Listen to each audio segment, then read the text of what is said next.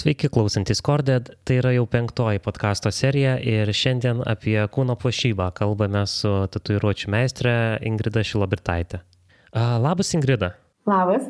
Visų pirma, noriu paklausti, ar tave tikslu pristatyti kaip tatų meistrą, nes man tas kažkaip pavadinimas asocijuojasi su kažkokiu santechniku ar, ar automobilių mechaniku, kai sakai meistras, man labiau patinka angliškai, kai sako teto artist, toks kaip dailininkas. Tai Kaip tave geriausia apibūdinti ir kaip tau labiausiai patinka?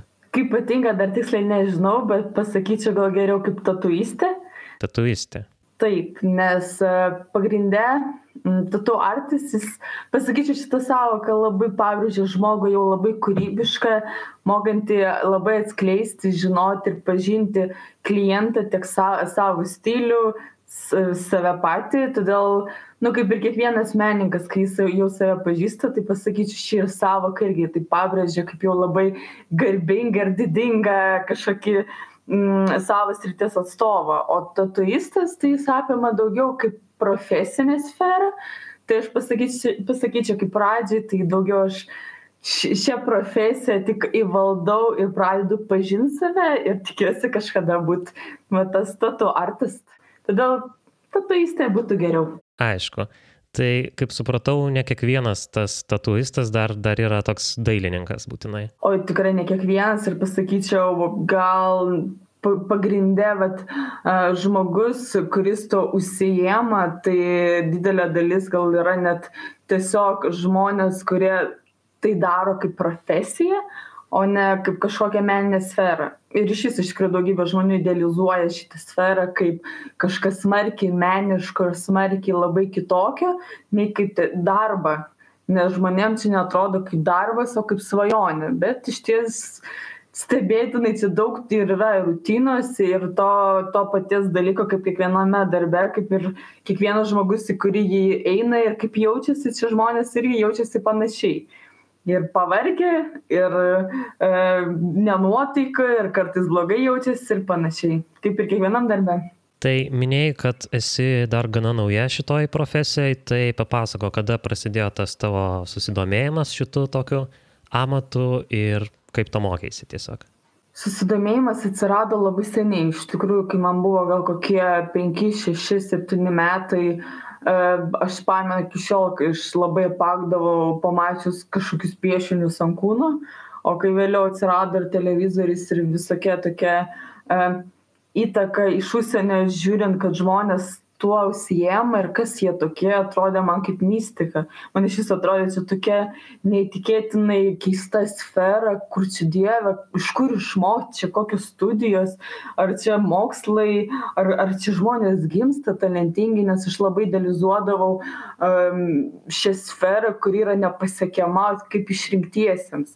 Ir labai ilgą laiką nu, tiesiog taip stebėdavai iš šono ir žavėdavai ir tu nesuprasdavai, kaip tai turėtų būti bet e, tiesiog vat mano gyvenimo kelias jis nebuvo labai lengvas pradedant vaikystę ir baigiant tuom kad paskui išėjau iš namų tai ilgą laiką teko pamiršti išvis apie kažkokias savo svajones ir teko dirbti kaip tuos eilinius standartinius darbus ir visąlaik mano sfera aišku buvo su žmonėmis ir e, paslaugų ta sfera pardavimų ir, ir panašiai bet kai tapau pakankamai subrendus ir supratus kad visgi aš nenoriu ir negaliu dirbt standartinio darbo standartiniu laiku su standartiniais kažkokiais iššūkiais ar ar reikalavimais ir aš tada nusprendžiau bandyti siekti šio dalyko.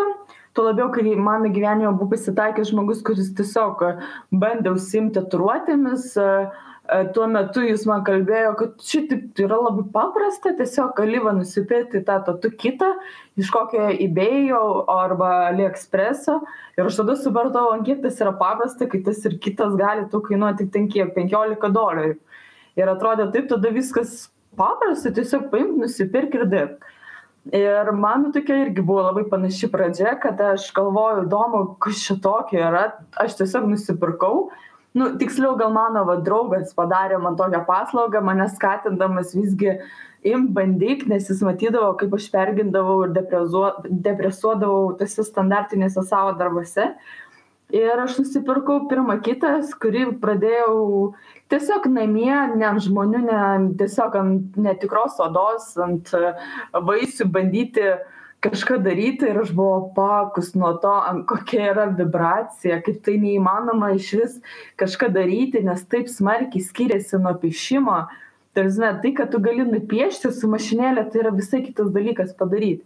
Nu ir mano pradžia buvo tokia, kad aš dirbdama ir bandydama namie kažką daryti, suprat, pradėjau rašyti tam tikriem meistram, kurie yra, jau mano manimo buvo mano aukšto lygio ir tai, kas mačiau, kad žmogus, va, ten yra meninis žmogus, va, vadinamas statu artist, kur ir piešia labai daug ir labai gerai piešia ir plus daro tatuiruotės ir aš jų klausiu patarimo, ką jie patartų, kaip, kaip reikėtų man pradėti iš vis, nes aš noriu to užsiimti, bet aš noriu tai daryti kokybiškai, nes esu perfekcionistė ir vertinu labai kokybę ir jie visi man patarė, kad reikėtų kreiptis geriau į kokį nors saloną, prašytis būti mokinę ir, ir bandyti tiesiog, aišku, pačiai labai daug piešti ir bandyti ir save skatinti ir spausti.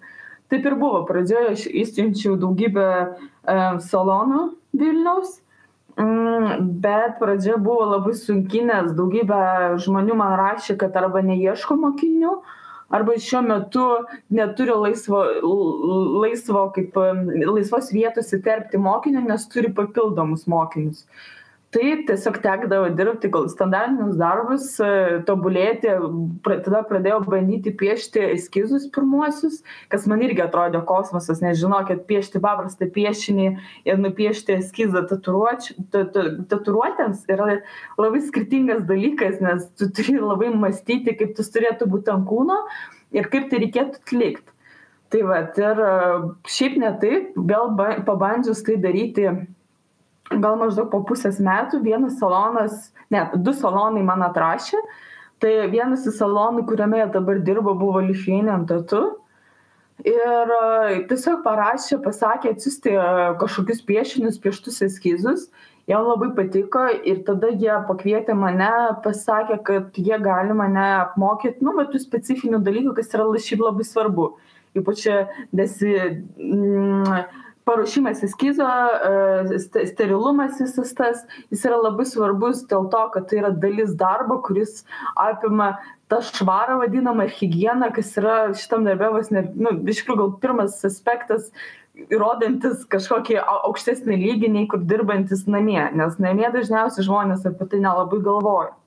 Tai va ir va ten prasidėjo mano kelias kuris tai buvo tai buvo maždaug po prieš du metus gal plius minus, mažiau gal metai su pusė.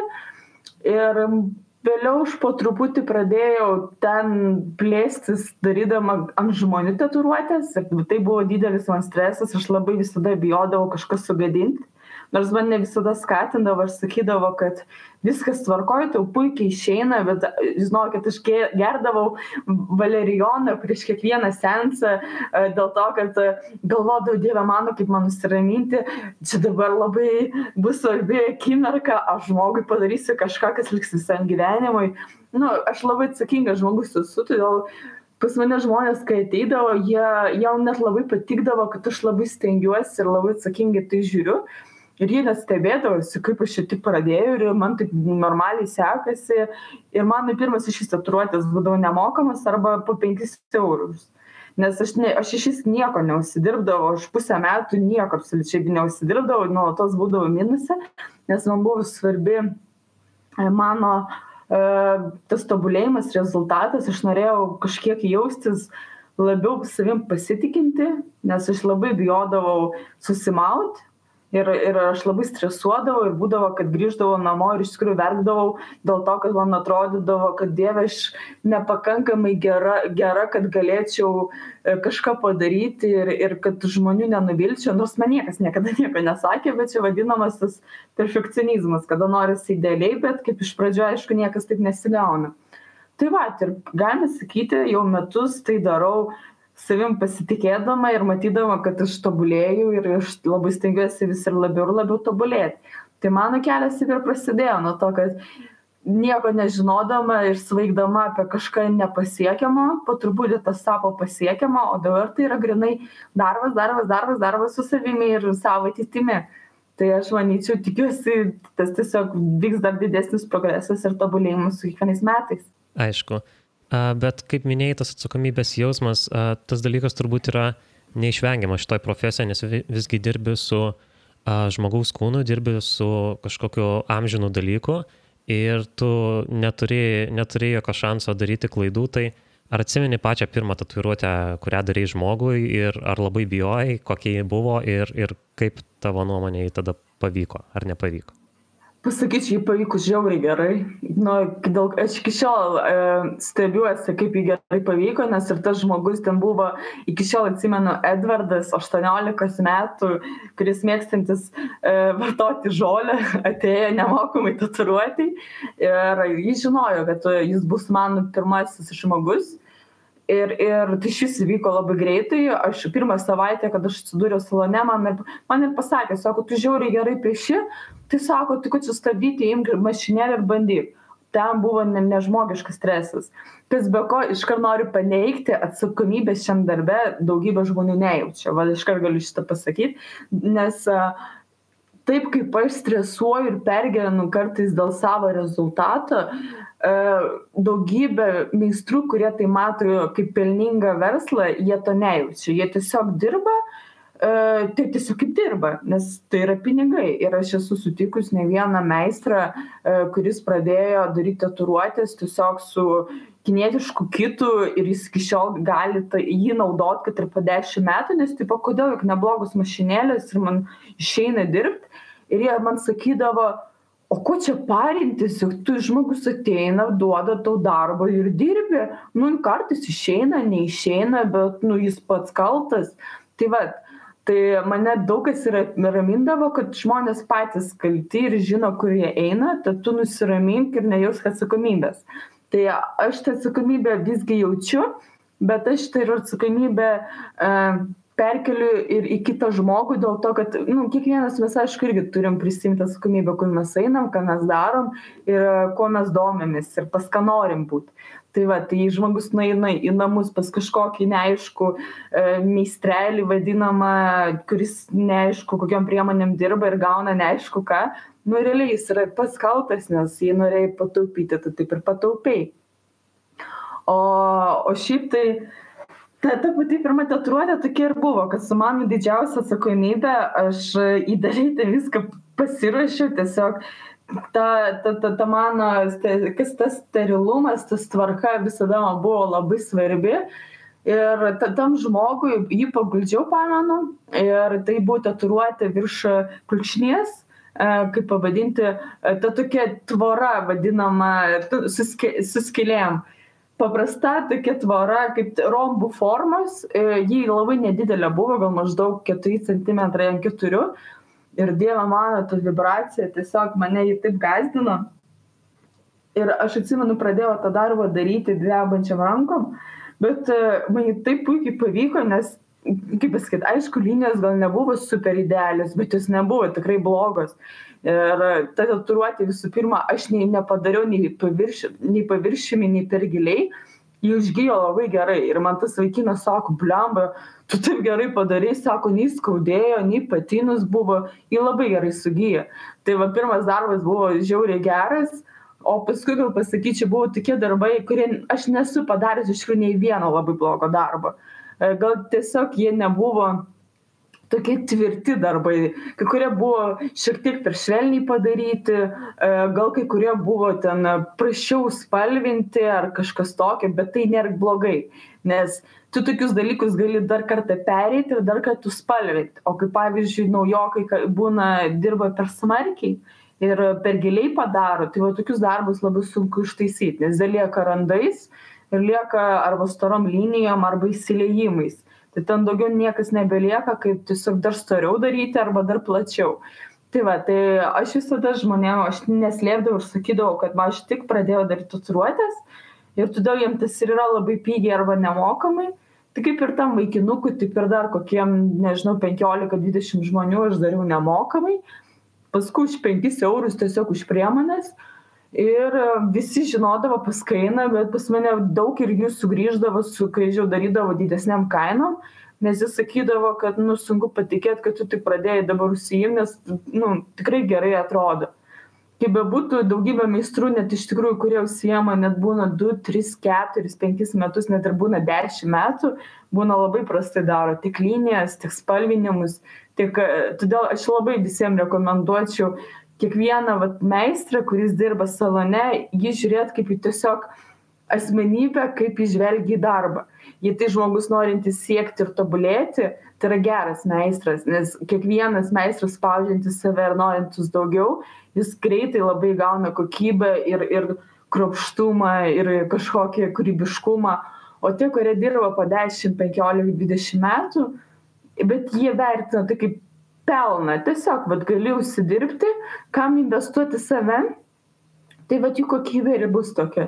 Ne nelabai lygios linijos arba tokios nu per tiek metų visai iš išmo išmok išmoktos bet visa kita pamirškit apie meistriškumą arba dar kažką nes ten tiesiog gausit tai ką norit. Kokį štampą e, gal ten gerai užrašiukas gal ir savaime suprantama išeis neblogai bet visa kita jei tu nori kažko įdomaus ir savotiško tai ne pas tokį meistrą aišku tai manau dėl to kad labai atsakingai žiūrėjai į tą darbą tai turbūt nuo pat pirmų dienų susirinkai kažkokį pastovių klientų ratą. Ar visgi daugiau ateina naujų žmonių tave atradę kažkur per internetą per socialinius tinklus ir panašiai? Kaip tu gauni tuos klientus?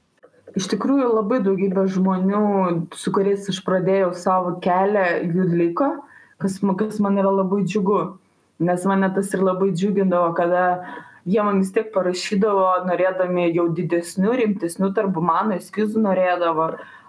Aš visada jausdavau kad aš turbūt darau kažką jau geriau arba gerai. Nesvarbu gal net ir tai yra tatuiruotėj gal tiesiog bendravime nes kaip bebūtų tas irgi labai svarbu. Ir pas mane jie labai grįždavo ir iki šiol grįžta. Aš esu jau ne vienam žmogui padarius po šešias septynias tatuiruotes ta prasme ka kas tas yra nu vis tiek gan daug ypač kai save aš laikau kad aš rimtai jau dirbu apie metus.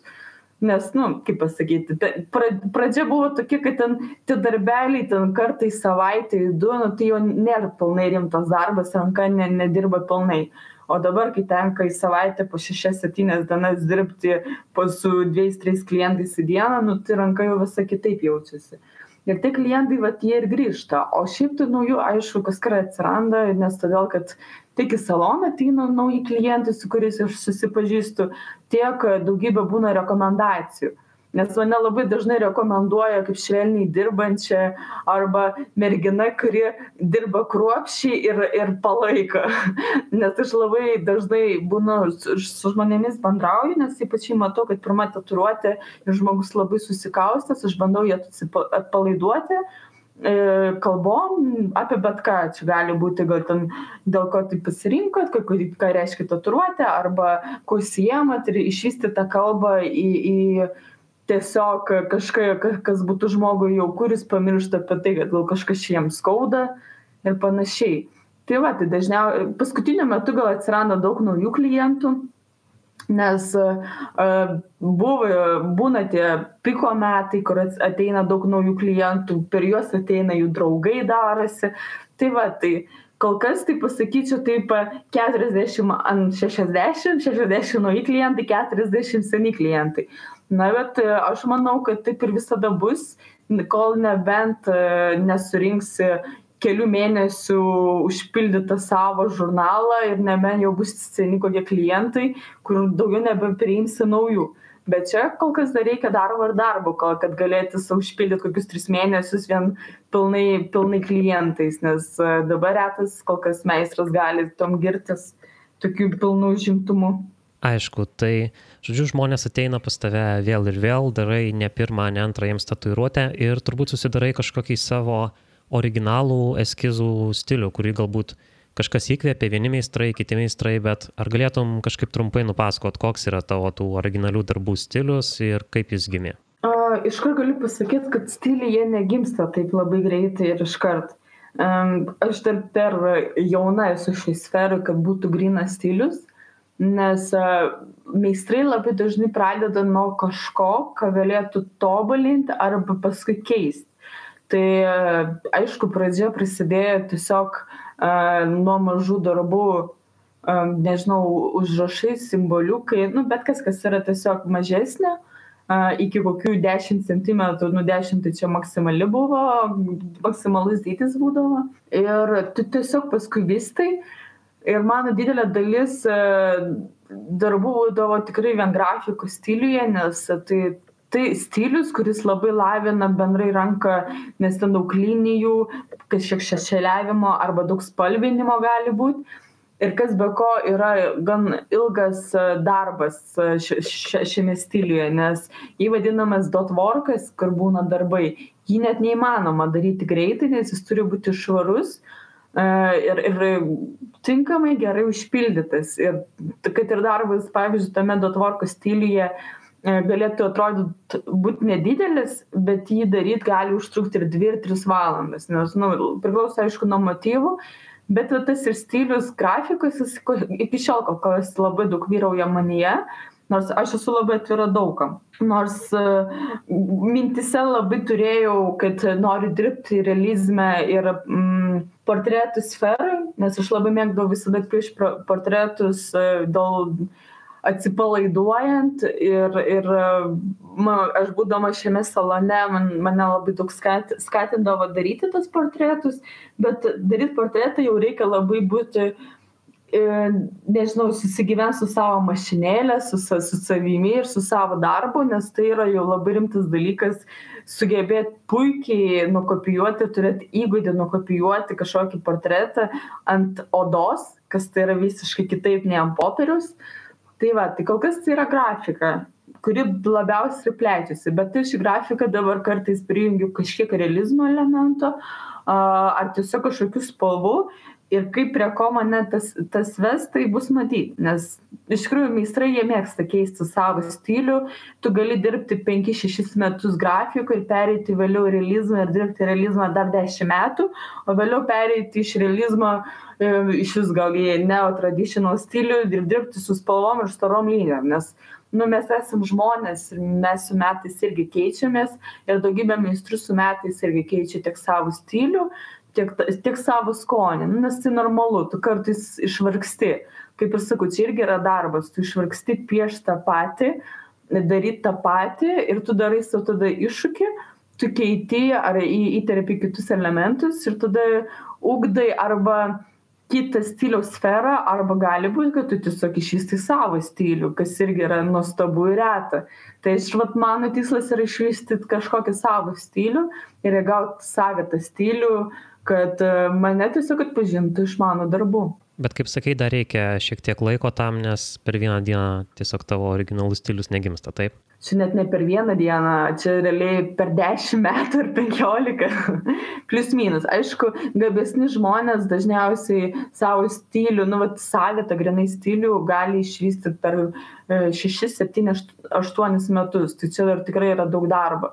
Iškart galiu pasakyti, kad e, stilius jis neatsirado niekad greitai, nu iš vis niekad greitai, nes tikrai geri meistrai, su kuriais aš bendra, bendraudavau, kad jie šis pradėtų daryti realizmą, tai jie turėdavo dirbti keturis metus tiesiog tokiam daugiau gal grafikos stiliuje ar tiesiog bendram stiliuje kažkiek re siurrealizmo elementais kad jie pradėtų jaustis saugiau dirbti jau šio šiame stiliuje pavyzdžiui ten realizmo hiperrealizmo stiliuje nes tai yra tiesiog nu nežinau negaliu pavadinti kad tai yra meninis stilius bet tai yra tiesiog įgūdis ir sugebėjimas labai kopijuoti nes realizme dažniausiai yra sudėlioti elementai pavyzdžiui portretai vaizdai architektūra ir tu turi turėt labai gerą įgūdį tai nukopijuoti.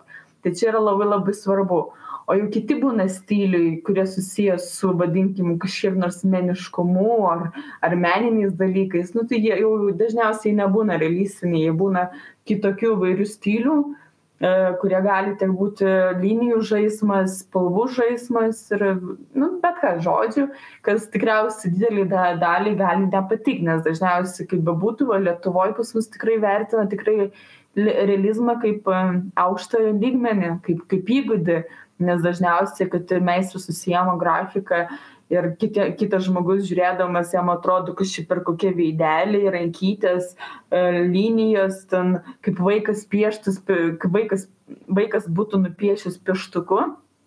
Tai jiem būna, atrodo, tai labai nerimta ir čia labai lengva atrodo, kad čia, kad čia ties linijas padaryti, dievė, visų taip paprasta. O iš tikrųjų iškart galiu pasakyti, kad ir paprasta linija padaryti per kūną tiesę, kad ir pa pavadinkim per stuburą čia yra žiauriai labai sudėtingas dalykas kad tu turi būti įvaldęs labai puikiai tiek savo ranką tiek tiek žmogaus kūną ir tiek odą nes kiekvienas žmogus esi yra skirtingas ir kiekviena vieta ant žmogaus ji būna skirtinga ir labai lengva sugadinti liniją ją permušant arba padarant paviršinę arba tiesiog žmogus įkvėps netinkamu metu ir prašom linija jau ne tokia ir lygi tad jei žmonės mano kad paprastas stilius arba ten stiliai atsiranda labai greitai ir čia nėra ką veikti, čia nu, klysta. Arba tiesiog žmogus turi tokį požiūrį, kad nėra čia ką veikti, čia tik paimi, nupieši, padarai ir tiek. Bet aš sakau, čia viskas labai priklauso nuo požiūrį ir kiek žmogus nori siekti. Nes labai meistrai skirtingai turi norą siekti savo gyvenime ir savo ligmenį, ko jie nori vienas gali dirbti penkiolika dvidešim metų savo kambarėly su visokiais neaiškiais žmonėmis kurie ateina į tavo namus ir jam tiks o kitas norės po visą pasaulį keliauti ir jis visąlaik sakys blemba aš nieko nemoku nors darau tatuiruotes penkiolika metų nes jis norės tobulėti tobulėti kol tu tobulėji ir ieškai naujo tau visada atrodo kad tau trūksta žinių. Tad manyčiau labai nuo požiūrio priklauso ir aš turbūt atitinku antrą variantą kad aš kiek besimokau ir ką darau aš vis tiek jaučiuosi tokia mokinė. Atrodo mokykis mokykis mokykis ir tiek daug žinių ir toks pasaulis platus ir tiek tiek skirtingų meistrų tai vat atrodo nėr nė ribų ir nežinau kada tos ribos atsiras nes jos man dar šviečia labai labai toli mano pas mano noras pasiekimų yra labai didelis. Tai ir perfekcionizmas kol kas dar irgi labai kankina kaip ir maksimalizmas. Nu bet aš jauna o jauni tai žinot pasitaisys anksčiau ar vėliau. Jeigu suskirstytume klientus, kurie pas tave ateina į tokias kelias grupės, kur, sakykime, vieni galbūt ateina jau su pasiruoštų kažkokiu eskizu, sakykime, draugas nupiešė, ar tai yra kažkokios, nežinau, grupės logotipas, a, kiti, tarkim, ateina su idėja ar su kažkokiu pradiniu variantu ir prašo tobulinti, o treti galbūt tiesiog, nežinau, ar tai būna, bet galbūt ateina ir sako, aš pasitikiu tavim ir sukurk man kažką visiškai originalaus. A, tai kokių daugiausia žmonių ateina pas tave ir su kuriais iš jų dirbti įdomiausia? Ačiū Dievui, pas mane dažniausiai ateina labai normalų žmonės, kas irgi labai svarbu. Irgi labai turiu pabrėžti tai, kad kiekvienas meistras pasirenka um, gal daugiau taip morališkai save parašęs ir dirba su žmonėmis taip, kokiu jis nori labiau pritraukti. Tad mano visada noras visada buvo pritraukti kuo labiau irgi įdomius žmones savotiškus kurie e, žino ko nori nes aš visada labai pabrėžiu kad pats žmogus turi suprast ko jis nori nes nu tai yra labai kvaila permest visą atsakomybę žmogui ir ateiti iš jo reikalaut vos nepasakyk ko man reikia.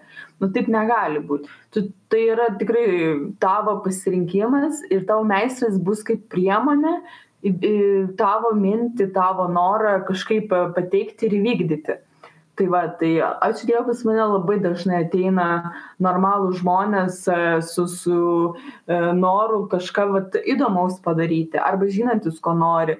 Aišku yra įvairūs žmonės kurie ateina su draugu pieštuvu piešiniu yra ir buvę kur ateina su atrodo labai juokingu piešiniu nu visas šleivas kreivas bet nupieši geriausią kokią draugę ir ta geriausia draugė yra tokia svarbi kad manęs prašo kuo tiksliau pateikti tą piešinį. Nors ten aš matau kur reikėtų keisti dieve mano visas ten vietas galūnes proporcijas nu bet žmogus to nenori.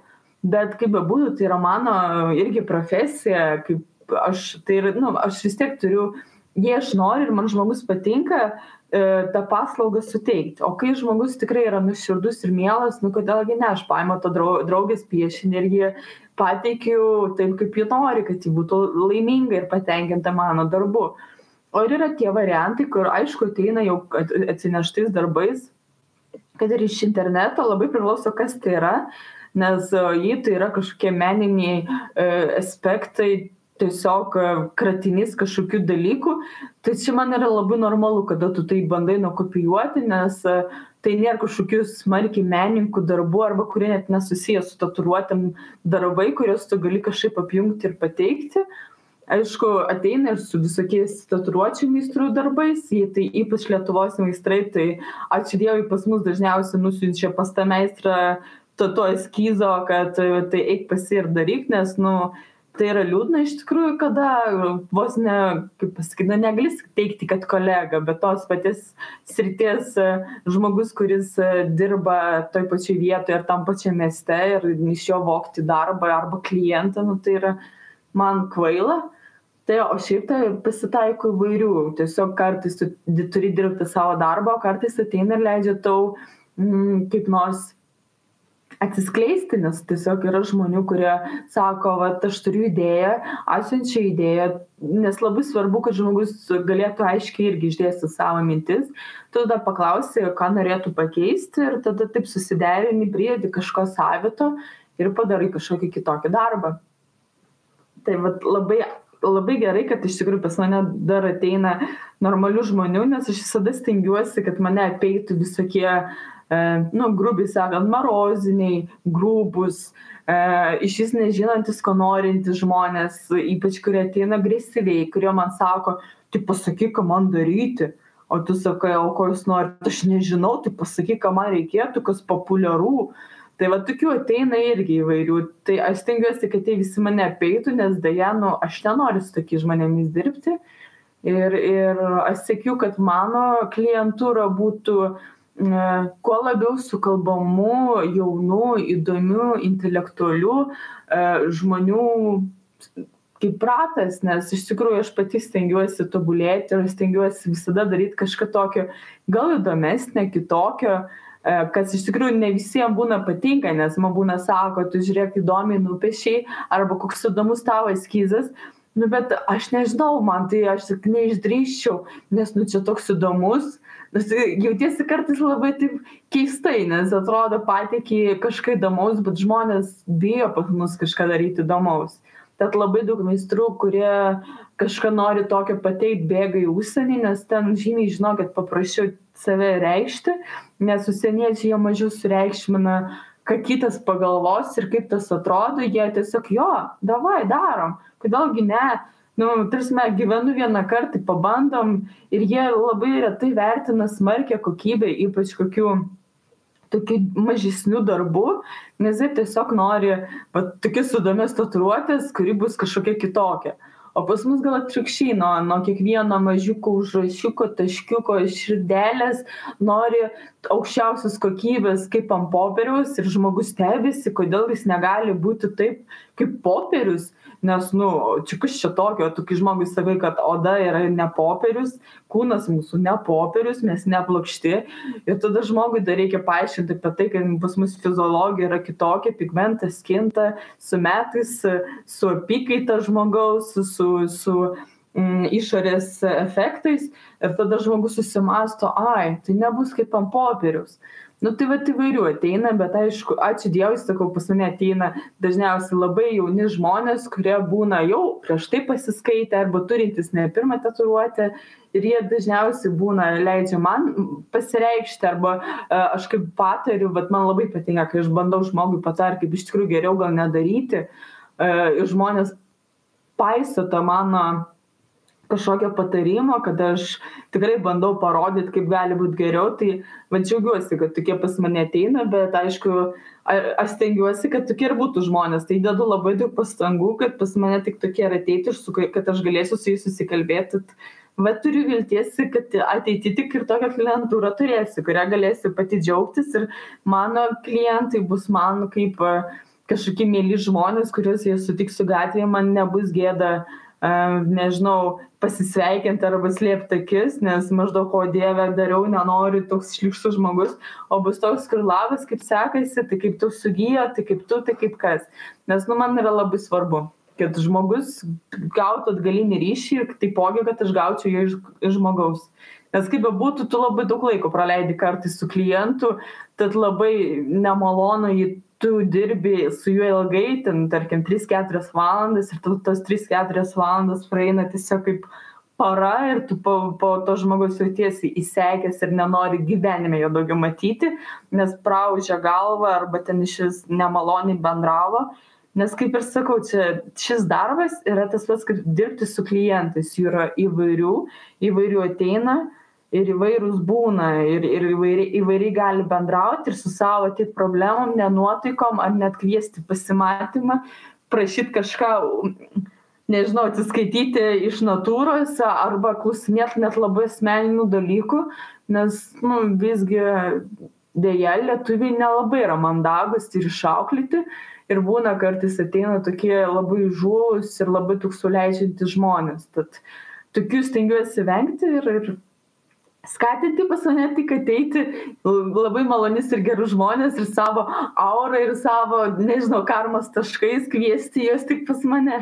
Aš gana nustebęs esu, kad paminėjai, kad ateina tokių žmonių nelabai malonių, tokių truputį konfliktiškų, nes kai užėjau jūsų saloną, tai man pirmas įspūdis iš tikrųjų buvo, kad ir iš uh, jūsų darbuotojų pusės, meistrų, ir, ir iš tų klientų, kurie sėdi, kad iš tikrųjų uh, pati atmosfera yra labai maloni, labai draugiška. Ir nežinau, galbūt tu tai galėtum palyginti su kitais darbais uh, savo, kuriuos esi dirbus. A, nes, sakau, bent jau man atėjus, tai aš jaučiuosi gerai tatų salonė, aš nesijaučiu kaip kokiam banke, kur ateini ir ta atmosfera yra labai, a, labai formali, sakykime. Nu, ma, matot, a, kaip yra, yra įvairūs visų pirma žmonės.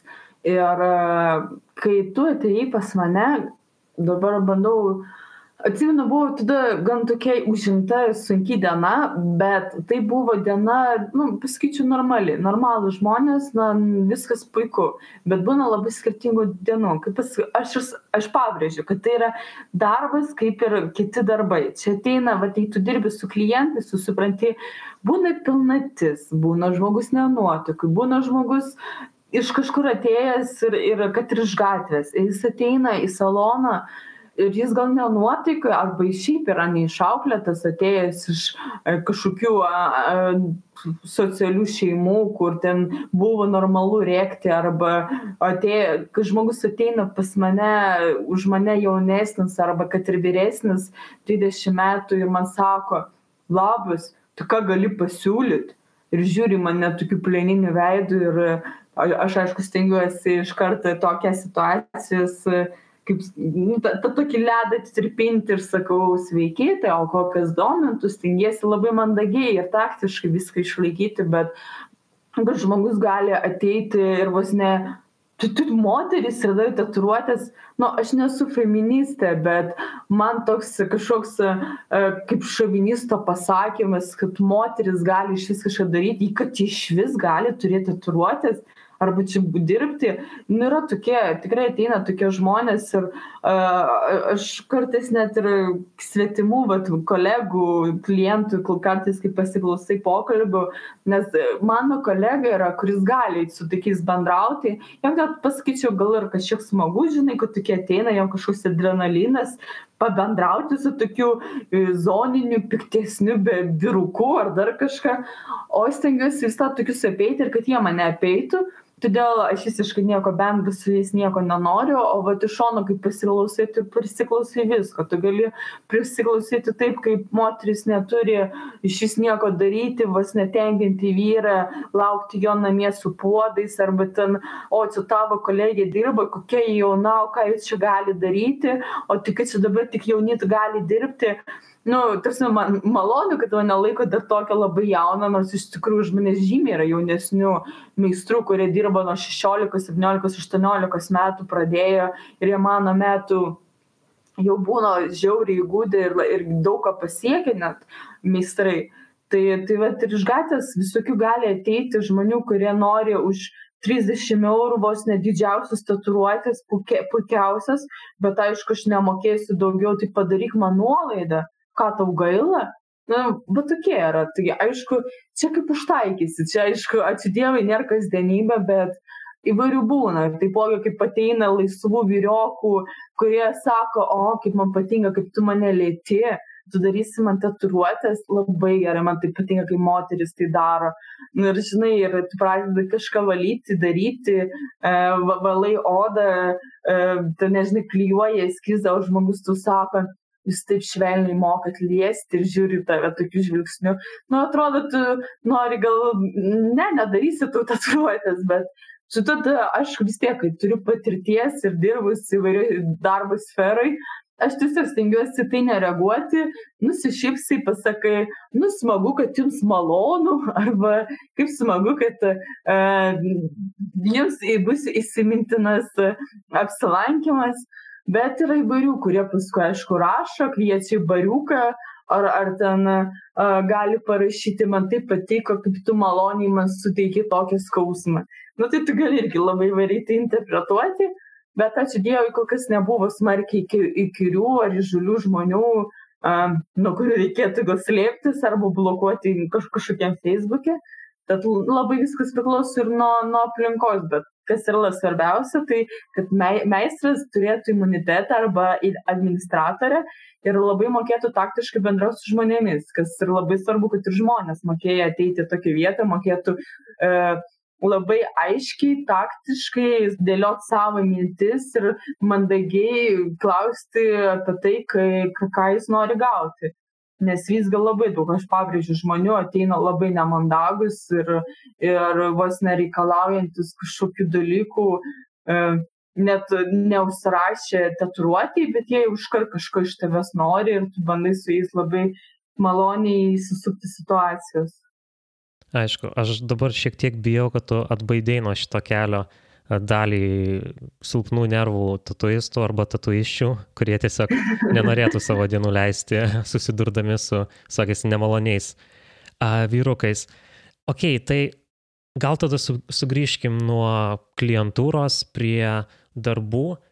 Ar tu pastebi kažkokius trendus, kažkokias madas, a, kurios dabar vyrauja, ar pas tave daugiau žmonės ateina su kažkokiais labai individualiais prašymais, ar, ar visgi yra tokių a, bendrų dalykų, kas dabar darosi populiaru, ar tai būtų stilius, ar tai būtų kažkokia prasme tatuiruotės, ar tai būtų galiausiai kūno vieta, ant kurios žmonės darosi.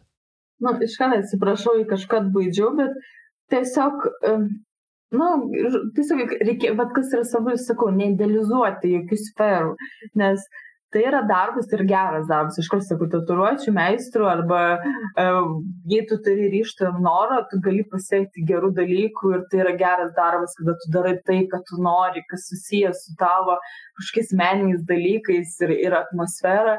Bet tai reikia suprast kad niekur niekada nebūna idealu ir tiktai gražu ir miela visada visur yra aspektų ir be to kiekvienas jums meistras pasakys kad yra ilgas ir sunkus kelias dėl to kad tu labai turi tuom gyventi, nes tu turi daug piešti, turi domėtis.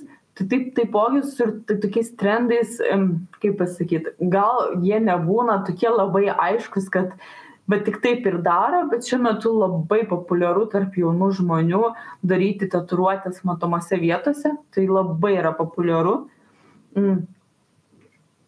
Labai daug žmonių dabar darosi ant plaštakų ant pirštų. Labai mėgstu pirmasis tatuiruotes daryti ant kaklo. Ir aišku tu stengiesi e, nors aš tai tikrai stengiuosi ypač kai ateina jaunas žmogus atkalbėt nes um, žmogus pats nežino kas laukia jo gyvenime ir ką ką jis planuoja daryti.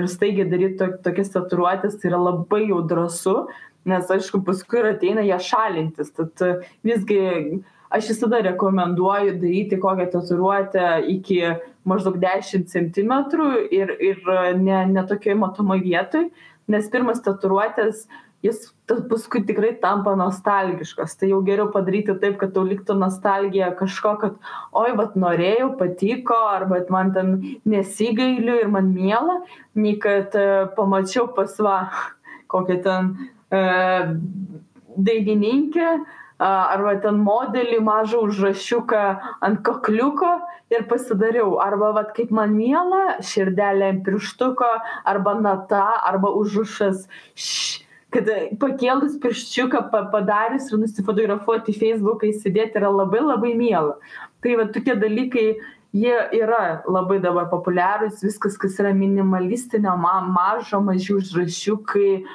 simboliukai e, irgi grafikos stilius ačiū dievui atsigauna ir jis ateina pas mus nes užsieny labai jau yra populiaru pas mus gal po truputį žmonės pradeda vertinti e, grafikos stiliaus visokie tokie dalykai net ar tas ble bletvorkas kur yra tamsūs darbai ir tikrai ne kiekvienas nori daryti labai tamsius darbus dar nerealizmo stiliuje. Bet tie ties jaunimu dabar labai vyrauja viskas tokio kuo matomiau ir tarp merginų tokios minimalistinės visokie po raktikolių užrašiukai ant šonkaulių maži užrašiukai simboliukai. Tai va tas kažkaip aš manau dėl to kad dabar labai daug užsienio žvaigždžių tas minimalistines tatuiruotes daugybė darosi ir darosi kaip taip chao chaotiškai taip išdėstom pavyzdžiui per visą ranką tai aišku jaunimas irgi kai žavisi kažkokiais reperiais ir panašiai tą kopijuoja. Bet kaip bebūtų aš kaip sakau mes lietuviai esam gamtininkai miškininkai e, tad labai iki šiol labai populiaru viskas kas susiję su gamta vilkai pelėdos e, miškai eglės pušys beržai e, kažkokie augalai gėlytės nu labai tas yra populiaru ir aš manau tas bus labai populiaru visąlaik nes taip jau yra kad mes tikrai visi labai prijaučiam gamtai ir daugybė žmonių daro visokius su gamta susijusiais dalykais. Ir iš tikrųjų, palyginus nedidelė dalis būna, ateina žmonių, kurie darosi kažką labai keisto, arba tamsaus, arba smarkiai spalvinto, nes, nu, kažkaip žmonės nelinkia užpildyti taip iškart tatuiruotėm kažkokią dalį staigių smarkių spalvinimo, visi labai mėgsta vis tiek kažkokį minimalizmą arba aišku realizmą kas be ko nes labai daug žmonių nori kuo arčiau kažko va, tikro, tikrovės, ypač ką labai dažnai žmonės vadina 3D realizmą, nes labai daug ateina, norėčiau, va, kad ta ranka išlistų, tas 3D, tai labai būna juokingai skamba, bandant tai įsivaizduoti, bet jo, realizmas vyrauja ir, ir minimalizmas matomose vietose šiuo metu, kaip visada, labai populiaru.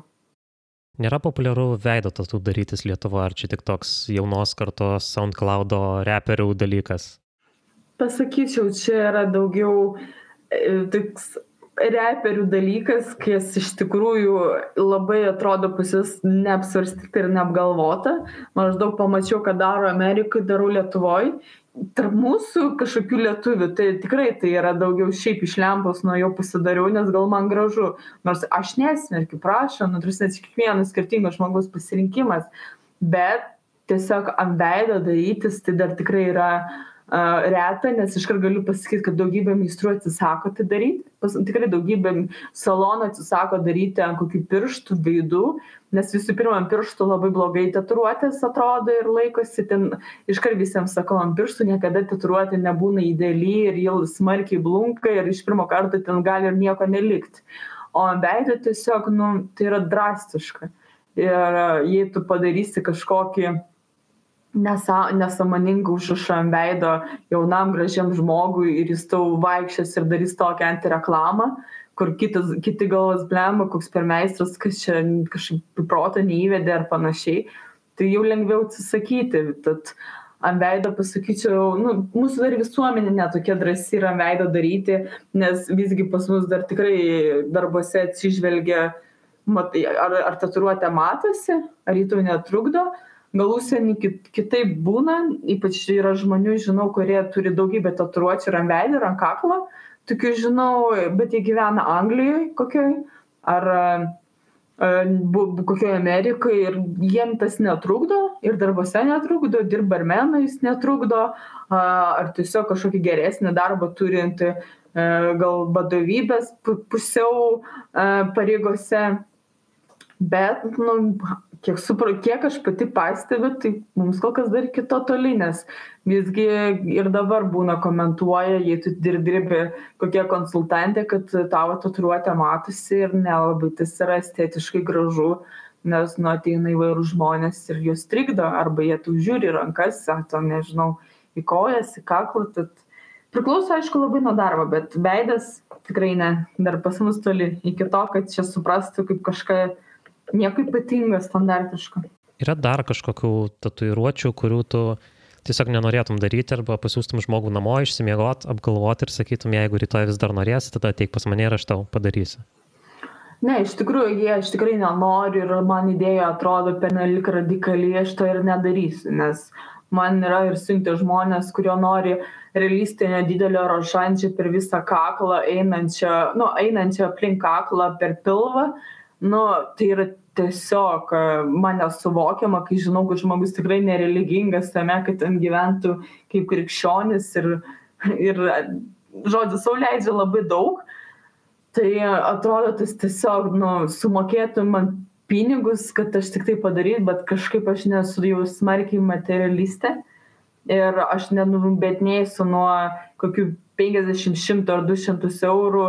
Nu aišku smagu tokius pinigus užsidirbti bet man kažkaip dar yra atsakomybė arba nors toks suvokimas kad jau geriau eina pas kažką kuriam gal tas pats bus bet aš nenoriu savo portfolio ar savo atsiminimuose turėt tokį va dalyką kad žmogui kažkokį rožančių padariau aplink kaklą masyvų didelį ir jis taip atrodo. Ir kiti gal žinai klaus kur tu čia dareisi ir sakys kad aš dariau. Nu man sakau tokios reklamos ne nenorėčiau.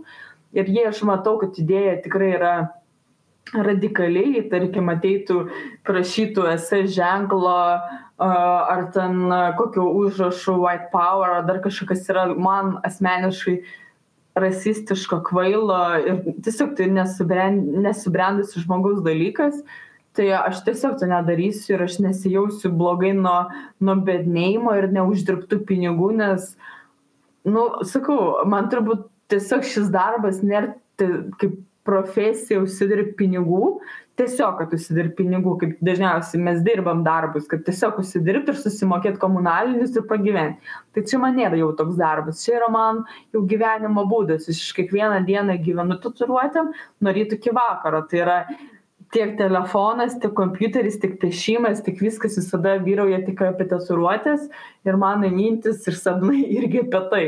Nu nes aš labai tam gyvenu ir ir aš stengiuosi tuo tuo parodyt ir kokybę ir ir išmintį aš labai daug tuom domiuosi ir ir jei pavyzdžiui su kolegom ar kokiais žmonėmis šneku apie priemones dalykus nu aš stengiuosi išmanyti išvis tai ką aš šneku ir su kitais stengiuosi dalintis savo žiniomis ir klausti jų ką jie mano ką jie žino nes nu va tokia aš ir esu perfekcionistė maksimalistė kuri tiesiog kuo siema tuom gyvena ir viskuom domisi kad ta toj sferoj nes nu aš kitaip nesuprantu kam išvis ką daryti jei tau ta tas paviršutiniškai išeina arba tau neįdomu nes koks skirtumas aš čia padarysiu man sumokės ir tiek.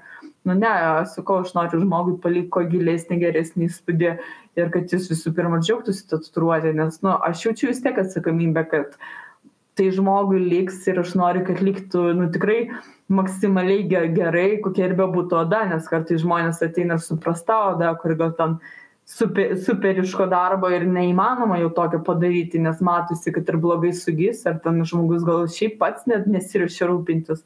Nes būna tokie ir ateina kur sako aš laiko neturėsiu tam. Tai tas irgi kaip pasakyčiau tatuiruotė yra komandinis darbas nes meistras padaro savo darbą o likę likę ten procentai to darbo yra nuo žmogaus sugebėjimo jį saugoti. Jei tu nenori saugoti darbo nu tai reiškias tu finansiškai ne neapgalvoji savo a kažkokio vat investavimo ir tu nevertini meistro darbo kurį jis ten prasidėjo dvi tris keturias penkias valandas nes nu labai naivu manyti kad tatuiruotė ir šašai ir visa kita gali savaime gražiai susitraukti ir sugyti.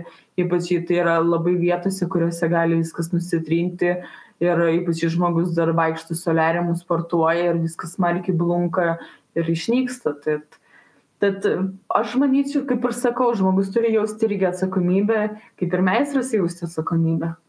Aišku. A pašnekėkim šiek tiek apie šitą industriją plačiau.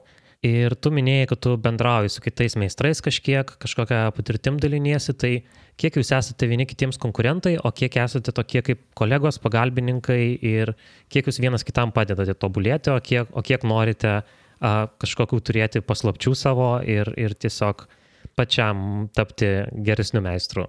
Um, iškart galiu pasakyti, kad su kuo man tenka kažkiek pabendrauti, tai aš visada stengiuosi um, tai daryti, kaip pasakyti, maloniai, mandagiai, nes ypač žinau, kad žmogus užsijama gan jau ilgą laikotarpį ir šiaip jis yra užimtas žmogus. Aš, moku, aš labai moku vertinti kito žmogaus laiką, taipogi kaip kliento laiką. Uh, ir vat ir kito meistro jį išklausiu ir suprantu kad jis yra užsiėmęs ir jis man atsako arba ten e, nežinau susitikus kažką paklausi ir žmogus tau nuoširdžiai maloniai žinai pasidalija arba šiaip vat nežinau trumpam taip šnekteli tai yra malonu bet kaip bebūtų e, kol kas gal žvelgiant į kolegas, kur būna turi didesnę patirtį ir žino daugiau meistrų, tai galiu pasakyti, kad vis tiek e, meistrai Lietuvoje yra uždari ir jie linkia kaip būti būreis arba tik tarp savų ir smarkiai kažkom dalintis, nu, aišku, bendrai darbo pobūdžio dalykais, salono pobūdžio dalykais nelabai dalyjas ir šneka, nes, nu, tai vis tiek yra kažkoks darbo sutarties, nežinau, pasirašymas ir paslaptis, kas ten vyksta, ką tu darai ir ką ten naudoja. Bet e, iš asmeninės pusės, jei ten meistras, e, jam, jam nesunku, jei tu ten paklausi kažko tikslingai, atsakyti irgi tikslingai tavo klausimą, tai, tai man, man taip išeina, ko aš paklausiu, aš gaunu atsakymą, bet aš pati labai daug gilinus ir domiuosi, kad man klausimų tokių neiškių, na, nu, kaip pasakyti, ne visada kyla, nebent jei aš bandau ir pati nesuprantu, kaip čia kas gal išeina, bet tada ir bandau klausti. Tai ta, aš, su, aš, ačiū Dievui, su nieko nesipykstu. Bet yra įvairūs meistrai, kur tarpusavį ir pykstasi, ir yra konfliktų, ir yra uh, vienas kito, kito apkalbinėjimai, ir, ir visa kita, nes iš tikrųjų šita sfera tampa, kaip ir sakau, tokia prieinama ties tam, kad kas čia yra, turi pinigų, nuo jie nusipirkai mašinėlę, vasėdį ir kali. Nes, nu, kaip man, man būna žmonės sako, va, nusipirkau, ar draugas nusipirko kalą savo namie, nu, bet aš nežinau, aišku, kai ten kalą, bet esmė tame, kad e, žmonės, tai irgi viskas labai priklauso nuo žmogaus. Jei tu toks esi uždaras ir tau atrodo, kad tavo pasiekimai yra tokie, kad e, tavo darbo paslaptis, nu, tai tu gal dalintis tikrai nenori, nes dėl, ateina pas tave dėl to žmonės. Bet tai irgi dalin yra kvaila, kada labai dabar viskas yra prieinama, ir e, mūsų lietuviai, kurie turintys labai savo įgūdį ir savo gerą pobūdį, um, jie dirba užsienį ir jie tikrai vat, nuolatos būna konvenšinose ir jie neslepia gal savo kažkokio tokio įgūdžio, jie tiesiog dirba, jiem išeina ir jiem, nu, va, taip yra, jie nebūna tose intrigose lietuvių ar dar kažkas. Bet kaip bebūtų, nu, koks darbas be intrigų, nes kaip bebūtų labai garsių gerų meistrų Lietuvoje nėra tiek daug, o tokių visokių pameistriukų, dirbančių namie, kur nors šiaip jų yra gan daug, jie taip ganėtinai tarpusavį būna žinomi, vienas su kitais gal pabendrauja, ant kitų taip pastumė, arba ant salonų pastumė, arba salonai jų pastumė. Tai va taip aišku būna ir čia, nu, tai yra natūralu Ir, bet tai viskas labai priklauso nuo žmogaus. Aš su nieko nesipykstu, aš nelendu jokias intrigas, aš tiesiog dirbu, e, su ko kažkiek ten pabendrauju, tiek pabendrauju, kiek man yra ir įdomu, ir kiek tas žmogus gal ten jo irgi ne, ne, kaip pasakyti, netrukdau ir bet žmogus nori pabendrauti. Nes iškart sakau, visi meistrai yra žiauriai užimti. Jei geras meistras, jis net neturi laisvo laiko pakankamai, kad ten sėdėti, šudmaliauti, apkalbinėti ir panašiai. Nes tiesiog šis darbas apima labai daug tavo laiko per laisvą laiką tu ką dažniausiai tikrai nenori bendrauti, apkalbinėti ar bendrauti su kitais meistrais, tu net gal ir su savais artimais žmonėmis kartais nenori pabendrauti, nes tu tiesiog nori palsėti, elementariai tiesiog palsėti, pabimbinėti, gal patinginiauti.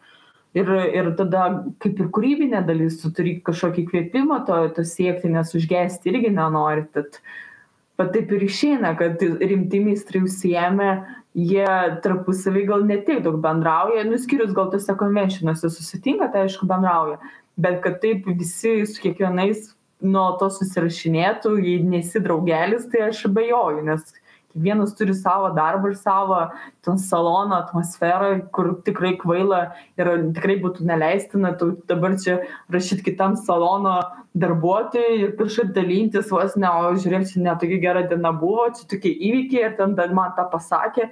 Nu sakau čia nuo kiekvieno žmogaus labai priklauso bet su manim nesipyksta su niekuo nesipykstu ir man to pilnai pakanka. Aišku Tai kaip minėjai, meistrų yra Lietuvoje nemažai, turbūt ne visi jie vienodo lygio yra. Salonų, kiek aš pastebėjau, irgi yra nemažai, Vilniuje nežinau, kiek galima suskaičiuoti, ar, ar keliolika, ar keliasdešimt. Keliasdešimt tikrai. Aha. A, sakykim, tavo salonas rytoj užsidaro, čia galima tris kartus nusispjaus, pabelsti medį, bet sakykim, sakykim, taip įvyksta, ar tau būtų sudėtinga rasti darbą kitam salone? Mm. Labai sunku pasakyti, nes e, labai priklauso, ko kitas salonas gali norėti. Nes e, aš manau, tikrai atsižvelgia, kur tu buvai.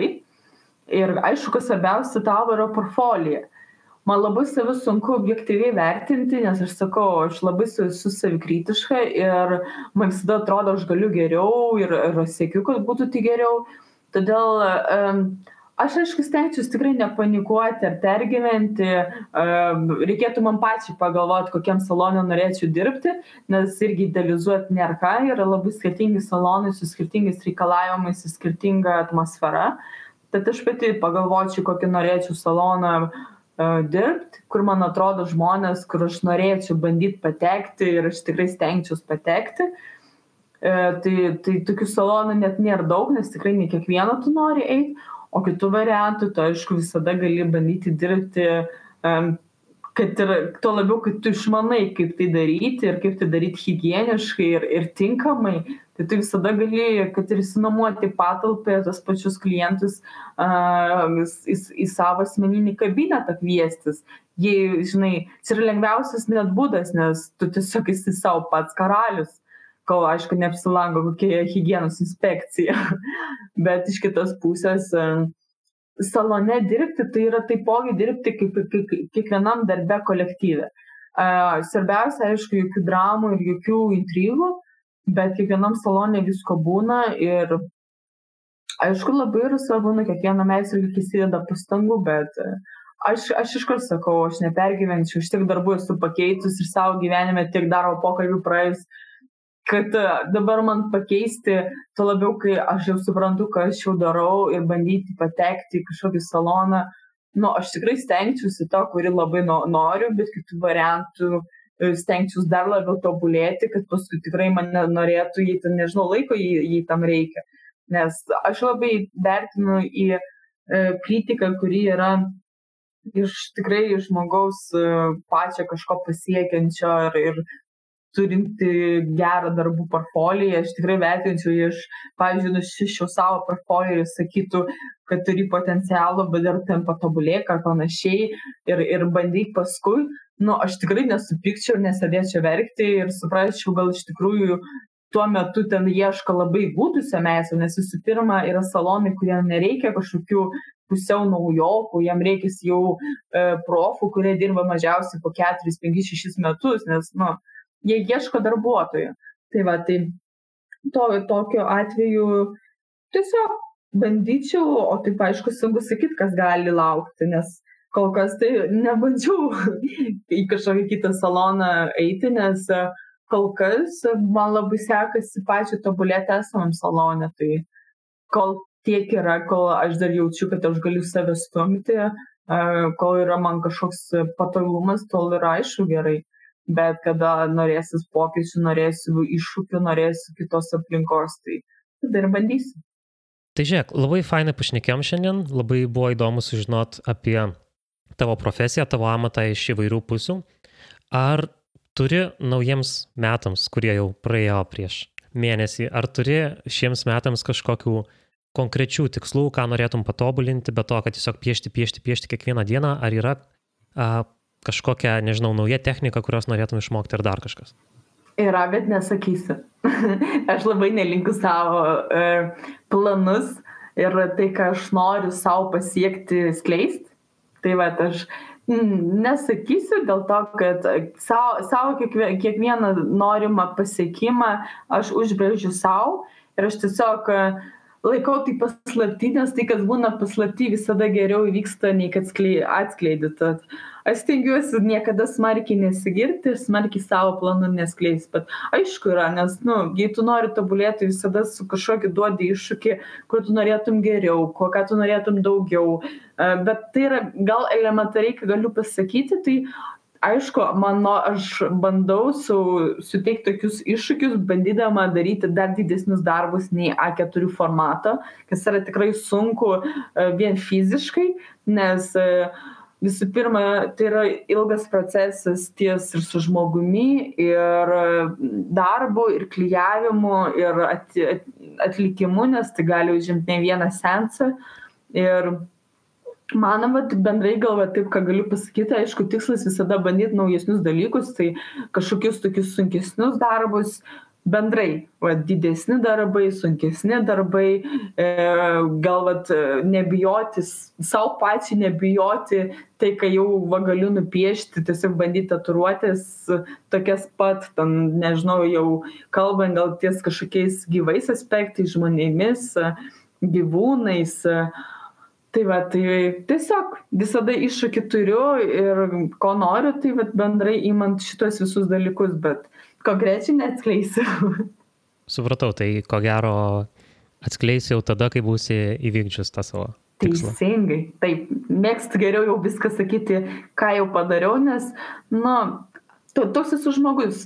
Aš ir kitiem būnu sakau, geriau pasilaikyti savo kažkokias svajonės ir sakyti savo ir jų siekti, nei kad tuščiažodžiauti nes nu šnekėti visada tu turi laiko ir gali bet veiksmai apima žymiai sunkesnius ir ilgiau trunkančius dalykus. Tad geriau aš jokių dedlainų ar panašiai niekam nieko nesakysiu bet tiesiog mm, sieksiu ir tiek. Man taip yra geriau.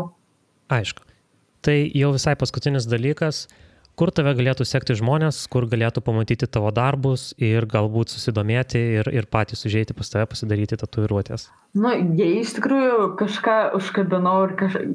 kas norėtų tiesiog su manim susisiekti ar, ar de, pabendrauti ir pamatyti, ką darau, tai, tai man Facebook'e galima neaišku susirasti, tiek bandant įrašyti Ingrida Šilo brūkšnis Aitė arba facebook.com slešas bileka, nu, B-I-L-I-A-K-A.